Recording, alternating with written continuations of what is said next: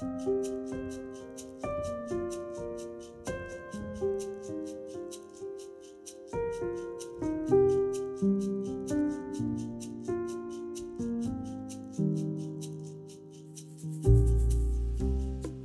folk strømmet nå til fra byene omkring. Da en stor mengde hadde samlet seg om ham, fortalte han en lignelse, står det å lese i Lukas evangeliet kapittel 8. Som så ofte i evangeliene skal Jesus fortelle folket en lignelse. Det er lett å tenke at lignelser er å gjøre budskapet enkelt og lettfattelig, og ofte er jo lignelsene til Jesus pedagogiske perler men er de nødvendigvis enkle og lettfattelige? I lignelsen om såmannen er det tydelig at disiplene som sto nærmest Jesus da han fortalte, de forsto ikke umiddelbart hva han mente med denne såmannen som gikk ut for å så kornet sitt. Han som lot noe falle ved veien så det ble tråkket ned og fuglene under himmelen kom og spiste det. Han som lot noe falle på steingrunn, og det visnet straks det kom opp fordi det ikke fikk hvete han som lot noe falle blant tornebusker, og tornebuskene vokste opp sammen med det og kvalte det. Han som lot noe falle i god jord, og det vokste opp og bar frukt, hele hundre ganger det som ble sådd. Disiplene spurte ham hva denne lignelsen betydde, står det. Hvis ikke de forsto det, forsto sikkert heller ikke den store folkemengden hva han egentlig snakket om. Jeg synes det er noe herlig realistisk over sånne små detaljer i beretningene om Jesus. Her har folkemengden muligheten til å lytte til en av de mest berømte talerne til alle tider, og de strømmer til, de suger til seg budskapet, men de forstår det ikke der og da.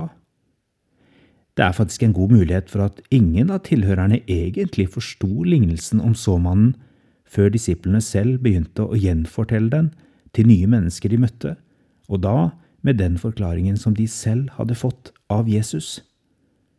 For selv om Jesus er raus og deler ut sitt ord til alle, akkurat som såmannen han forteller om i lignelsen, så er ikke alltid Jesusordene lett fordøyelige. De går ikke rett inn og gir alle mennesker helt umiddelbare aha-opplevelser. Var det bare så enkelt, sier du kanskje? men det ligger i selve såkornets natur, det som altså ifølge Jesus er et bilde på Guds ord, at det krever et godt jordsmonn for å bære frukt. Dette er ikke så helt enkelt å forstå for de fleste av oss. Vi søker raske resultater og øyeblikkelig tilfredsstillelse.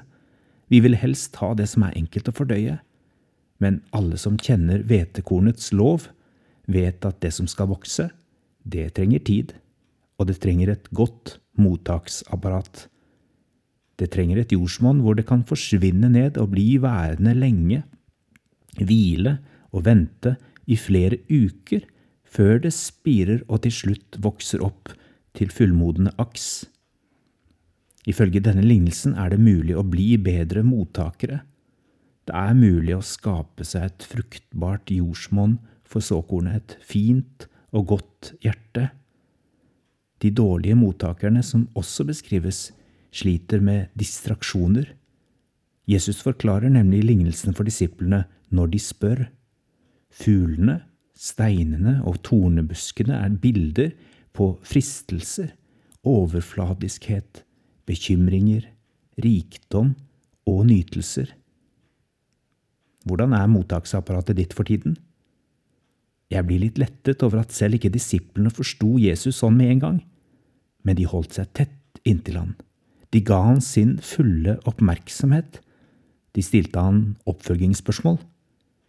Slik demonstrerte de, kanskje uten selv å vite det, at de hadde det gode jordsmonnets tålmodighet til å la orda virke, synke inn, ta bolig, bære frukt. Å bli åndelig moden høres kanskje ikke så attraktivt ut. Det krever tid, venting, motstandskraft, oppmerksomhet og tilstedeværelse. Kanskje ikke verdier som mange av oss trakter etter. Forstår du lignelsen om såmannen og såkornet? Aner du at det ligger et livsnødvendig budskap gjemt her? Noe det er helt maktpåliggende å få tak på? Hva kan du gjøre for å være en god jord, der orda fra Jesus får tid til å lande, hvile, slå rot og bære frukt. Dere er det gitt å kjenne Guds rikes hemmeligheter, sa Jesus til disiplene. Vi går inn i fastetida nå.